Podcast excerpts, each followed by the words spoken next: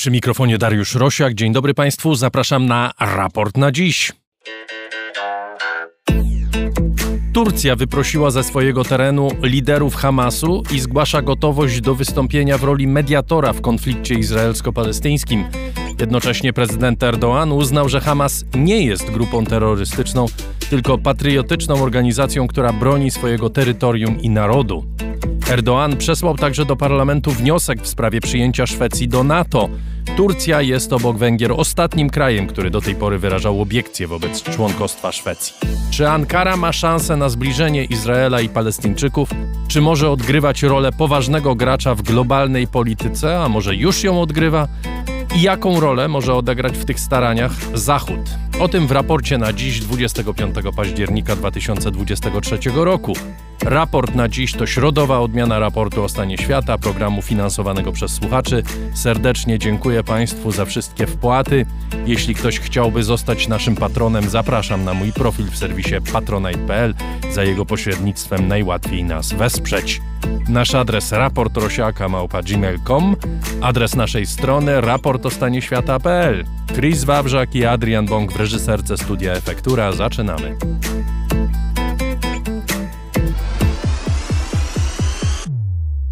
Moim gościem jest dziś dr Karol Wasilewski z firmy 4CF i Instytutu Badań nad Turcją. Witam cię, dzień dobry. Dzień dobry. Turcja jest jednym z niewielu krajów, które od lat utrzymywały stosunki z liderami Hamasu, otwarcie utrzymywały te stosunki. Ich lider jeszcze, kiedy nim był Khaled Mishal, gościł w Turcji, inni liderzy też tam mieszkali. Właśnie zostali wyproszeni. Dlaczego? Po pierwsze, to, to, że zostali wyproszeni, to są doniesienia prasowe, e, którym też musimy to podkreślić. Turcja e, na profilu e, prezydenta w języku arabskim zaprzeczała. Ale co do zasady możemy założyć, że rzeczywiście zostali wyproszeni, a przynajmniej poproszeni o zmniejszenie intensywności swojej obecności w Turcji, rzekomo ze względu na reakcję Turcji po tym, czego Hamas dokonał w Izraelu. To znaczy Turcja e, uznała, że nie może dłużej na swoim terytorium gościć liderów Hamasu, że nie może uchodzić za państwo, które wspiera Hamas tutaj za chwilę rozwinę, dlaczego za to uchodziła, po tak bestialskim ataku. I to są takie doniesienia, które e, zostały do mediów przerzucone. I teraz dlaczego Turcja nie może uchodzić za takiego partnera, chyba możemy powiedzieć, Hamasu? Otóż e, w ostatnich latach e, wiemy, że między Turcją a Izraelem, delikatnie rzecz ujmując, nie działo się najlepiej. Konkretnie rzecz ujmując... Zaraz o tym będziemy rozmawiać szczegółowiej, ale dokończę o Hamasie. Jednym właśnie z wymiarów tego, dlaczego nie działo się najlepiej, było właśnie to, że Turcja, e, zdaniem władz izraelskich, zbyt mocno wspierała Hamas. Wspomniałeś o tym, że liderzy Hamasu, tak, Mashal, e, Aruri, e, Hania, gościli na terytorium Turcji. Turcja, Hania i Aruri podobno cieszyli się paszportem tureckim również, co umożliwiło im podróżowanie, co jak się domyślamy, nie jest tak łatwe w przypadku liderów organizacji, która jest uważana za organizację terrorystyczną. Natomiast dochodziły również zarzuty ze strony Izrael, Izraelczyków, między innymi, że Turcja nawet dozbraja Hamas. E, w wakacje, znaczy niedawno ujawniono, że w wakacje został zatrzymany statek z 16 tonami ładunków, które Hamas mógł wykorzystać do rakiet, do, do produkcji rakiet. E, statek ten płynął z Turcji. Oczywiście nie zostało nam powiedziane, czy to była pierwotna przystań, że to tak określę, nie wiem czy profesjonalnie, tego statku. Natomiast no, Izraelczycy wyraźnie zaznaczyli, że statek ten przypłynął e, z Turcji. No i to położyło się cieniem e, na tych dążeniach Turcji, no właśnie do odgrywania roli czy mediatora, czy tego, który twierdzi, że ma wpływ moderujący, bo przez lata Turcja to akcentowała, że ma moderujący wpływ na stanowisko Hamasu. Jednocześnie, to też trzeba chyba podkreślić, retoryka Erdoana jest bardzo ostra, bardzo krytyczna.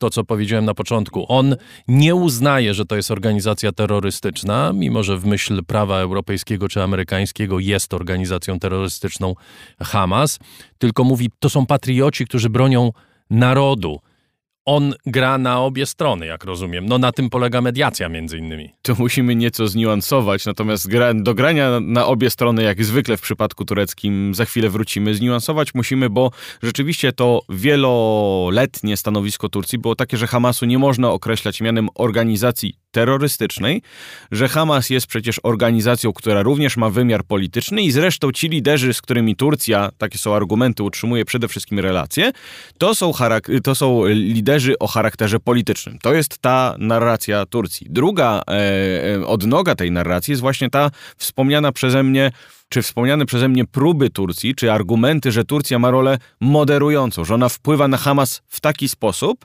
że no cóż, udaje się jej sprawić, że Hamas jest przyjaźniejszą organizacją. Ja wiem, że w tym momencie to brzmi bzdurnie, ale zdradzamy to, co Turcy mówili o tym wszystkim. Trzecia rola i nastawienie do Hamasu wynikało m.in. z tego, że w ogóle Turcja miała taką aspirację, żeby odgrywać rolę patrona w sprawach palestyńskich. Tego patrona, który doprowadzi do pogodzenia Fatahu i Hamasu. W świetle, kiedy, no też zwróćmy uwagę na ten trend, państwa arabskie e, w ostatnich latach wyraźnie zacieśniają relacje z Izraelem, wyraźnie tracą zainteresowanie sprawą palestyńską. Więc Turcja uznała, że to jest ten moment na włączenie się w rozmowy palestyńskie. No nawet niedawno, w, znowu w wakacje, mieliśmy spotkanie liderów Fatahu i Hamasu e, w Turcji, w towarzystwie Taipa Erdoana. To można powiedzieć, że traciły państwa arabskie do 7 października zainteresowanie sprawą palestyńską, bo w tej chwili to wszystko oczywiście odżyło i te debaty, czy te umowy, które wcześniej zawarto i te debaty, które prowadzono, stały się troszeczkę nieaktualne. Do tego proponuję, żebyśmy wrócili, bo pewnie zaraz też mi zadasz pytanie, jak właśnie jest z tą możliwością realnej e, odgrywania przez Zaraz ci je zadam, roli. natomiast chciałbym, żebyśmy wrócili do stosunków Turcji z Izraelem, bo one wbrew pozorom wcale nie były takie jednoznaczne. Historia bywała różna niekoniecznie zła. Ta druga dekada, my żyjemy w kontekście tej drugiej dekady, która się bardzo źle zaczęła w 2010 roku, kiedy Izrael zabił dziewięciu Turków znajdujących się na pokładzie takiego statku, który dostarczał humanitarną pomoc dla gazy, i to rzeczywiście było takim przełomem.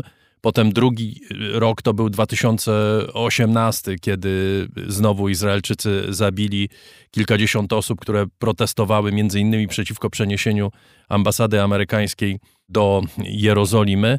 Ale wcześniej te stosunki nie były takie dramatyczne i tak naprawdę chyba można znaleźć punkty w polityce i Turcji, i Izraela, które są bardzo spójne i mają wspólne interesy, oba te kraje. Tak, masz absolutnie rację, że te relacje turecko-izraelskie w, no mówmy, w, o XXI wieku, one tak naprawdę nie były fatalne, biorąc pod uwagę to, że my mamy cały czas ten, powiedziałbym, paradygmat ostatniej dekady, kiedy rzeczywiście fatalne były. Otóż współpracę mieliśmy rzeczywiście na polach dość istotnych dla funkcjonowania państwa i izraelskiego, i państwa tureckiego. Współpraca wywiadowcza. Między innymi w zwalczaniu partii pracujących Kurdystanu, jeśli chodzi o przekazywanie e, informacji wywiadowczych. Co przynajmniej wiemy z tureckich źródeł, a skoro wiemy z tureckich źródeł, że pojawiały się pochwały pod kątem Izraela, to raczej możemy je w tym obszarze uznać za wiarygodne.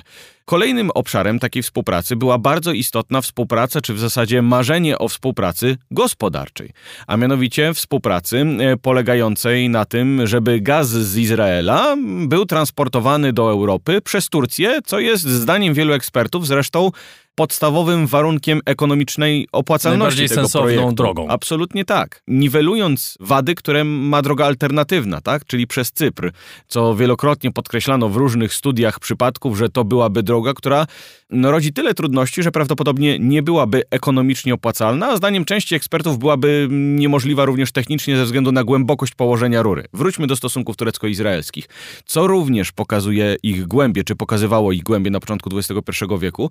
Otóż wyobraź sobie, że lobby tureckie w Stanach Zjednoczonych podobno bardzo dużo uczyło się również od lobby izraelskiego, że nawet na tej poziomie bardzo istotnym dla realizacji polityki Izraela, no i też dla realizacji polityki Turcji na początku XXI wieku, nawet tutaj dochodziło do współpracy. I masz rację, ta współpraca po 2011 roku, wskutek no, tego incydentu na flotę, incydentu, no, brzmi to trochę eufemistycznie w stosunku tego, że Izrael zabił, tak, tak jak powiedziałeś, obywateli między innymi Turcji, no ale już jak użyłem słowa incydentu, zostawmy, na flotyli wolności doszło do załamania tych relacji.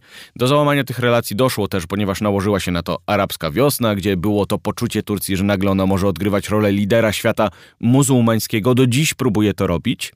No i rzeczywiście próby naprawy stosunków, które w 2018 roku mieliśmy nawet powrót ambasadorów, zakończyły się fiaskiem, no bo mieliśmy do czynienia z, no tak jak powiedziałeś, kolejną zawieruchą w sprawach izraelsko-palestyńskich, która przełożyła się źle na stosunki izraelsko-tureckie. Ale, ale, od minionego roku mamy usilne wpływy Turcji zmierzające do poprawy relacji z Izraelem.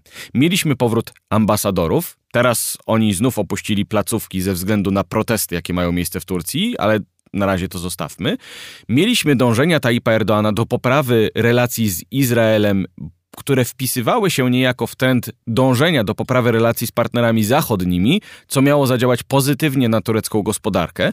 No ale mieliśmy planowaną wizytę Netanyahu w Turcji, mieliśmy planowaną wizytę tureckiego ministra, jeśli dobrze pamiętam, energii, który znów miał odświeżyć, pojechać do Izraela, odświeżyć to marzenie, czyli tę rurę z Izraela przez Turcję, która pozwoliłaby również przełamać, i to był kolejny cel, regionalną izolację Turcji w ostatnich latach, która była oczywiście pokłosiem awanturniczej polityki Turcji w regionie, ale również pokłosiem tego, że no tak się składa, że Turcja skonfliktowała się jednocześnie i z Izraelem, i z państwami arabskimi, które te relacje poprawiały.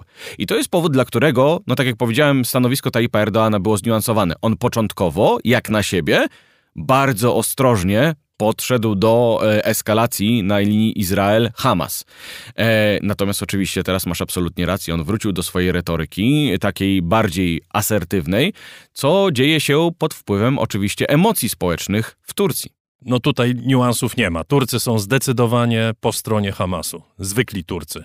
Otóż y, trudno odpowiedzieć na pytanie, Jasne. co to są zwykli Turcy, ale Bo tutaj znowu jest mieliśmy... również lewica turecka, jest, y, są różne środowiska. No ale mieliśmy do czynienia z ciekawym zjawiskiem. Mieliśmy do czynienia z zjawiskiem, kiedy w tym początkowym okresie, po tym co zrobił Hamas, no po tych barbarzyńskich atakach, które jednak no trudno znaleźć w nich coś pozytywnego, chociaż oczywiście część świata arabskiego znajduje nawet w nich coś pozytywnego. A przynajmniej ich nie potępia. Mieliśmy w Turcji do czynienia z i teraz muszą mi słuchacze na słowo uwierzyć, tak? No bo, bo ja to śledzę od lat, tak? I dla mnie to było zaskakujące.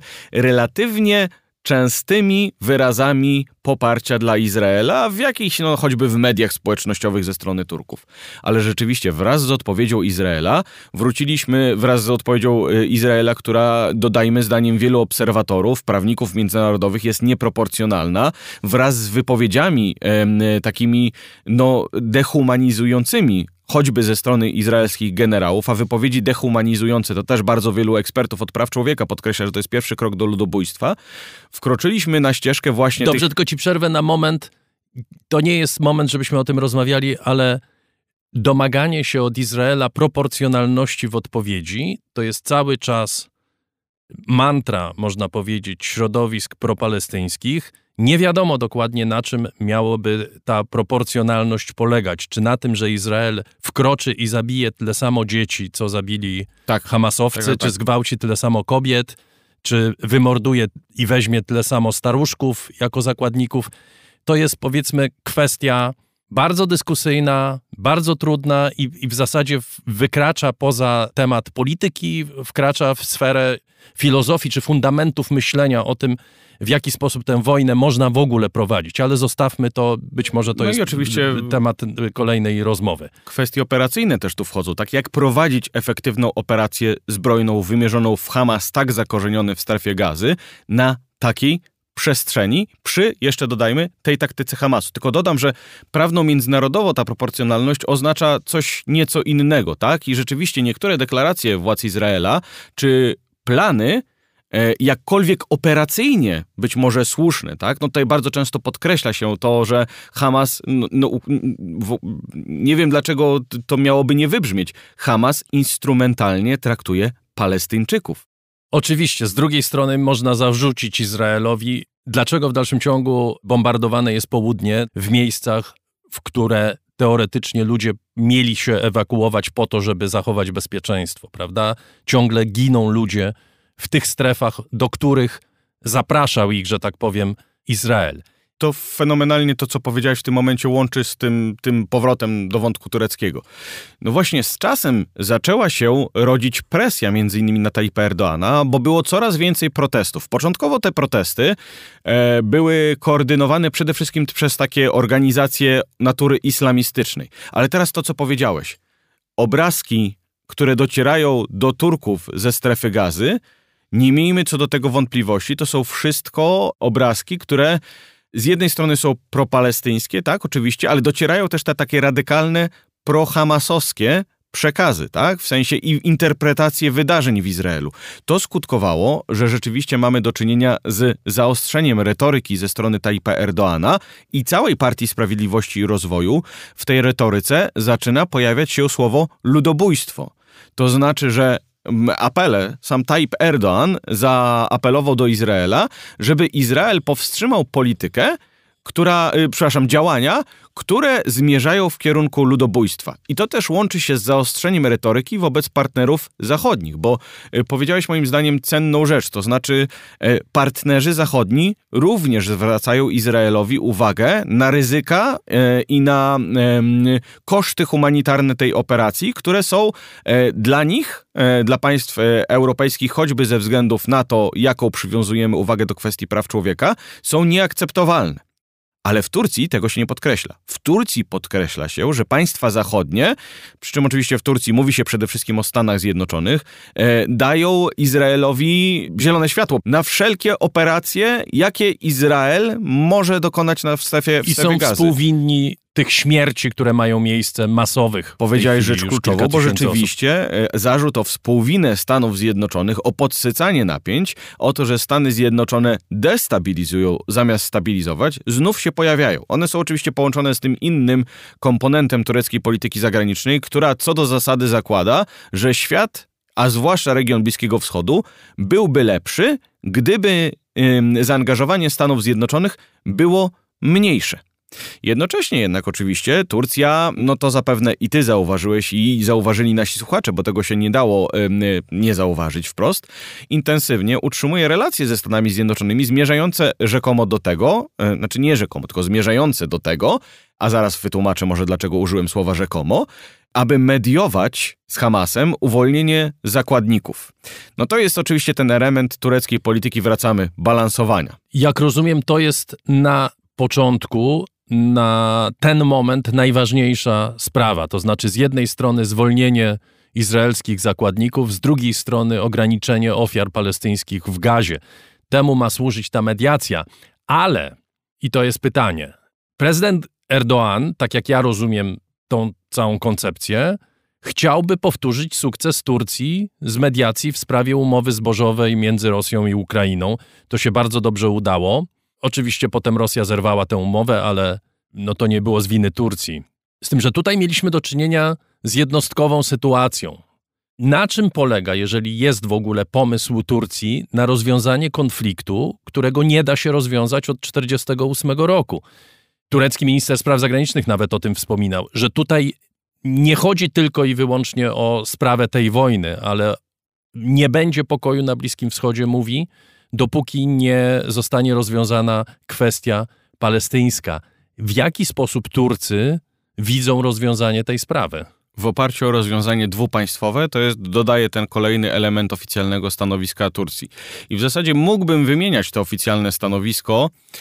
No tak, tylko to jest ciągle na stole. No właśnie. Ja rozumiem, jest... że tam pojawia się również gwarancja bezpieczeństwa jakby ze strony Turcji. Tak? Dokładnie tak? tak. Znaczy tutaj w zasadzie nie ma nową w sensie retorycznym, tak? Jest cały czas to, o czym rozmawiamy od lat. W sensie nie ma tutaj żadnych nowych pomysłów, które pojawiłyby się w osta- które nie pojawiłyby się w ostatnich dekadach, jeśli chodzi o rozwiązanie konfliktu izraelsko-palestyńskiego. Operacyjnie, można rzecz ujmując, Turcja również zabiega o tę rolę, no znowu, mediatora między Fatahem i Hamasem. Oczywiście tutaj nawiązując do Twojego pytania, Tayyip Erdoğan absolutnie chce utrzymać tę politykę balansowania i absolutnie chce mieć sukces w postaci udało mi się doprowadzić do tego, że Hamas uwolnił zakładników, bo umówmy się, gdyby do tego doszło, Turcja by dostała potężny tlen do prowadzenia tego typu polityki. To jest tak jak w przypadku Rosji i Ukrainy. Udało się podpisać porozumienie zbożowe? Ano udało się. I cała ta retoryka, na całą tę retorykę, która mówi, niemożliwe jest prowadzenie takiej polityki, to prowadzenie polityki balansowania jest niemoralne, bo stoicie po stronie agresora, Turcja odpowiada, no może jest niemoralne, ale myśmy coś załatwili, coś, co realnie pomaga ludziom. I teraz, co stanowi nowum w tych propozycjach? Nowum nie powiedzmy nową jakość w odniesieniu do postulatów, które się pojawiały już od dekad, tylko o formułę chodzi. Turcja zaproponowała ustami Hakana Fidana taki format, w ramach którego bezpieczeństwo Izraela i bezpieczeństwo Palestyńczyków byłoby gwarantowane przez dwie strony przez y, zachodnich sojuszników bliżej nieokreślonych, no wiadomo, że na czele ze Stanami Zjednoczonymi, no i oczywiście jeśli chodzi o Palestyńczyków, przez Turcję i państwa arabskie. To ma stanowić taką propozycję, która jak na Turcję jest propozycją umiarkowaną, bo przypomnę, mówimy o państwie, które mówi nie Zachodowi w regulowaniu spraw bliskowschodnich i taką politykę stara się realizować w innych konfliktach. W Syrii przecież mamy słynny trójkąt astański, na Kaukazie Południowym ostatnio rozmowy Armenia, Azerbejdżan, Rosja i Iran, tak? I e, wyraźne postulaty również oznaczające, że zaangażowanie partnerów zachodnich jest szkodliwe. Tutaj jest tutaj taka propozycja. Jeden sygnał, Azerbejdżan to jest też miejsce, w którym interesy Turcji i Izraela są zbieżne. Absolutnie. Absolutnie. Tak, tylko tutaj jest, no, łączy to... Słyszymy o tym, że Izrael dozbroił Azerbejdżan.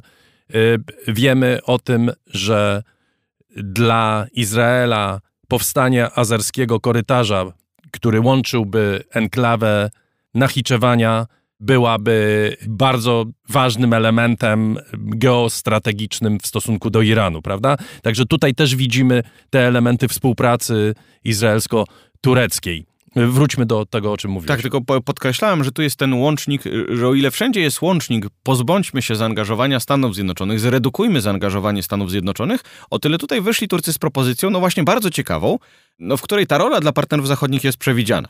Ale ta propozycja wydaje mi się nierobialna, bo powiedzmy sobie szczerze, ona bardzo mocno nasuwa mm, skojarzenia z tym tak zwanym starciem cywilizacji a narracji z pogranicza tak zwanego starcia cywilizacji, czy nazwijmy to narracją starcia cywilizacji, czy nazwijmy to w zasadzie jakimś takim efektem samospełniającej się przepowiedni, w tym konflikcie mamy od groma.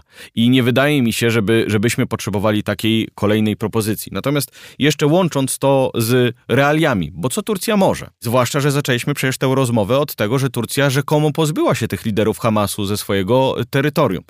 Otóż najnowsze informacje są takie, że Turcja już mniej się skupia na Hamasie, gdzie rolę wiodącą przejęły Katar i Egipt, ale bardziej skupia się na Libanie i Iranie, żeby zrealizować swój, i to jest absolutnie fundamentalny cel Turcji wobec tego konfliktu, aby ten konflikt nie rozlał się na region.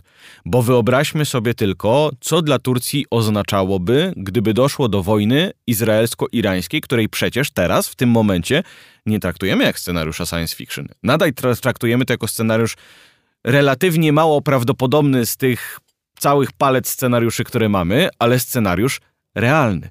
Dla Turcji byłaby to katastrofa, bo yy, owszem, naturalnym instynktem byłoby realizowanie znowu polityki balansowania. I teraz może jeszcze dodam, jak zapytać Turków o to, jaką politykę powinno ich państwo prowadzić wobec e, konfliktu Izrael-Hamas w tym momencie, to wyobraź sobie, że większość mają właśnie te odpowiedzi takie balansujące. Nie angażować się, albo robić rolę, spełniać rolę mediatora. Więc jak mi zadałeś wcześniej pytanie e, o to, czy, e, o to, czy Turcy są absolutnie propalestyńscy, to e, teoretycznie patrząc na obrazy w telewizji można by było powiedzieć absolutnie tak i podać przykład tych manifestacji, ale patrząc na ten sondaż, który odpowiada na pytanie, co państwo powinno robić, powinno się przede wszystkim nie mieszać. Ten instynkt dominuje. I teraz, przepraszam, bo już tylko zamknę ten wątek. Izrael, Iran, konflikt. Dla Turcji polityka balansowania znów pewnie by byłaby naturalnym instynktem, ale zobaczmy, jak większe byłyby tutaj koszty związane z utrzymywaniem balansu między Izraelem a Iranem. Ukraina i Rosja, gdzie Turcja prowadzi tę politykę balansowania, no umówmy się, jest w porównaniu do konfliktu Izraela-Iran daleko. Porozmawiajmy na koniec o tej drugiej sprawie. Prezydent Erdoğan zapowiadał zgłoszenie do parlamentu wniosku o ratyfikację członkostwa Szwecji w NATO już na szczycie NATO w Wilnie. Minęły trzy miesiące, to nastąpiło i jak rozumiem, sprawa jest przesądzona. Parlament go poprze. Tak, biorąc pod uwagę to, że Tayyip Erdoğan wysłał taki wniosek do parlamentu, trudno wyobrazić sobie, żeby parlament sprzeciwił się woli Tayyipa Erdoğana. A co się stało? Dlaczego to nastąpiło? Może tylko najpierw tak, ale czy sprawa jest przesądzona? Nie. I o tym za chwilę. Co się stało? Tayyip Erdoğan, otóż, yy, nie wiem czy pamiętasz, bezpośrednio po szczycie była taka fala euforii. Już jesteśmy w ogrodku, witamy się z gąską. No ale nagle Tayyip Erdoğan powiedział, że no hola hola, ale turecki parlament zbiera się dopiero w październiku. No i no turecki i parlament się, i... się zebrał i Tayyip Erdoğan po prostu dotrzymał swojej obietnicy. Więc nie nadinterpretowywałbym tego jakoś specjalnie, że Tayyip Erdoğan postanowił tutaj skorzystać z okazji, bo po prostu zrobił to, co obiecał. Natomiast nie da się nie zauważyć jednak i nie podkreślić, że moment jest szczególny dla Turcji, bo jest bardzo trudny politycznie. Mamy trudność, którą powiedziałem, przerwaną norma normalizację stosunków z Izraelem. Mamy szereg trudności dla kolejnego celu w tej polityce zagranicznej normalizacji z partnerami zachodnimi. Mamy szereg zarzutów ze strony Turcji i nacisków, podobno przede wszystkim ze strony Stanów Zjednoczonych, a nie ze, z Izraela, żeby radykalnie zmienić politykę turecką wobec Hamasu. No mamy szereg niesprzyjających Tajpowi Erdoğanowi okoliczności, które utrudnia ten szerszy cel. Teraz łączymy politykę zagraniczną z praktykaliami. Gospodarka turecka musi stanąć na nogi. Potrzebuje napływu inwestorów, potrzebuje uspokojenia. Więc... No i mamy jeszcze amerykańskie samoloty w tle do samolotów za chwilę, bo to będzie tym elementem odpowiedzi, dlaczego wszystko nie jest przesądzone jeszcze. Natomiast no, mamy ten moment, kiedy Tayyip Erdoğan może wrzucić coś takiego i, i zobacz, co się dzieje od wczoraj. No radość. Tayyip Erdoğan podrzucił to do parlamentu, sprawa jest załatwiona. Po raz kolejny mamy oświadczenia szwedzkie, mamy oświadczenie sekretarza generalnego, którzy chyba jednak rozumieją, przynajmniej w przypadku sekretarza generalnego, o co toczy się gra. Bo Tayyip Erdoğan rzeczywiście puścił sprawę, popchnął dalej do parlamentu, jak to się brzydko mówi, ale w przeciwieństwie do tego, jak to miało miejsce z Finlandią, Tayyip Erdoğan wcale nie powiedział, nie zasygnalizował, że prosi o priorytetowe zajęcie się sprawą. Wręcz przeciwnie, ze strony Turcji mamy taką komunikację, w którą Turcy lubią się od czasu do czasu bawić, że no cóż, w Turcji mamy prezydenta, to jest, wiadomo, najważniejsza postać w państwie i w tureckim systemie politycznym. No ale hola hola, jest też parlament. Parlament ma swoje procedury. Kiedy parlament się zajmie, to się zajmie. Więc wydaje mi się, że takie oczekiwania, że już wszystko jest załatwione, mogą być przedwczesne. Że oczekiwania, że Tayyip Erdoğan przestanie interesować się F-16 ze Stanami Zjednoczonymi, mogą okazać się przedwczesne.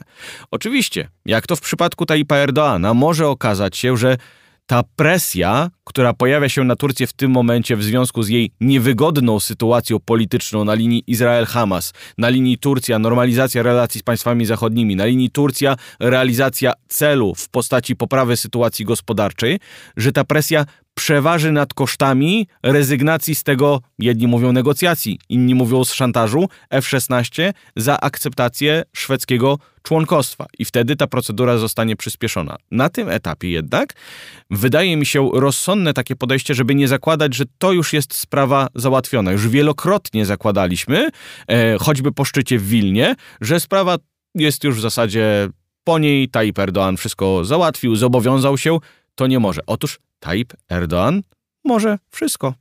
No i pamiętajmy jeszcze, że nawet jakby Tayyip Erdoğan się y, zdecydował na to, żeby Szwecję przyjąć do NATO, to pozostają Węgry. Ale to jest zupełnie inna historia. Wiesz co? I inna, i nie inna, bo wydaje mi się, że odpowiedź w przypadku Węgier jest taka sama, jakiej odpowiedzi udzielaliśmy w przypadku tureckim. Kluczowa jest presja sojuszników na ratyfikację. Jeśli Turcja ratyfikuje, tak, i będziemy mieli ze strony Turcji absolutnie już zielone światło, drogę, z której nie da się zawrócić, no to naturalnie presja na Węgry wzrośnie. No i w związku z tym jednak to są wątki, które się gdzieś tam łączą trochę jak w agencji detektywistycznej Dirka Gentlego, wszystko jest ze sobą połączone. Dr Karol Wasilewski z firmy 4CF i Instytutu Badań nad Turcją był gościem raportu na dziś. Dziękuję bardzo. Dziękuję również. To już prawie wszystko w tym programie. Zapraszam w sobotę na raport o stanie świata i na wszystkie inne nasze programy. Przypominam, na naszej stronie raport o stanie świata.pl są skatalogowane tematycznie nasze programy, łatwe do odsłuchania kiedy chcecie i jak chcecie. Dziękuję Państwu za to, że jesteście z nami.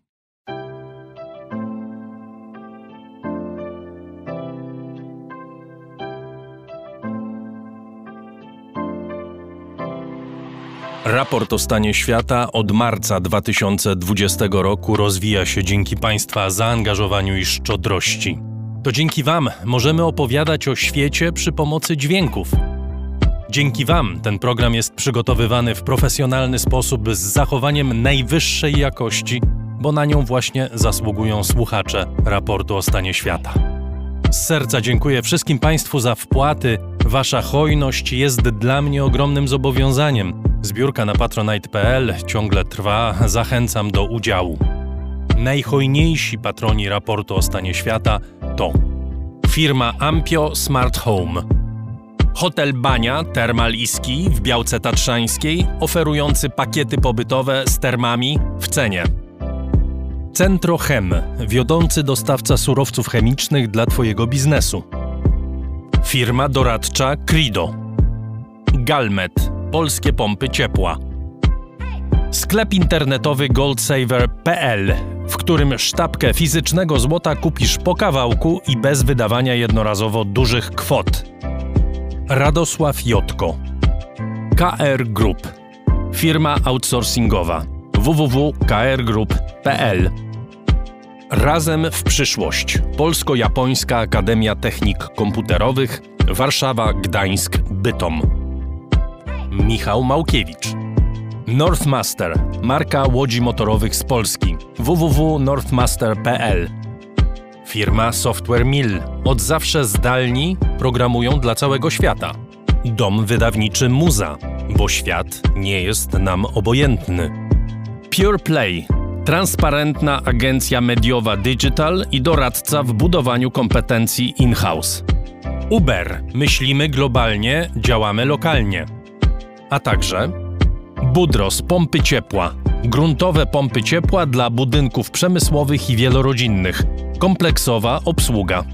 Liceum Błeńskiej Gdańsk-Kowale. Przemyślana edukacja w dobrym miejscu.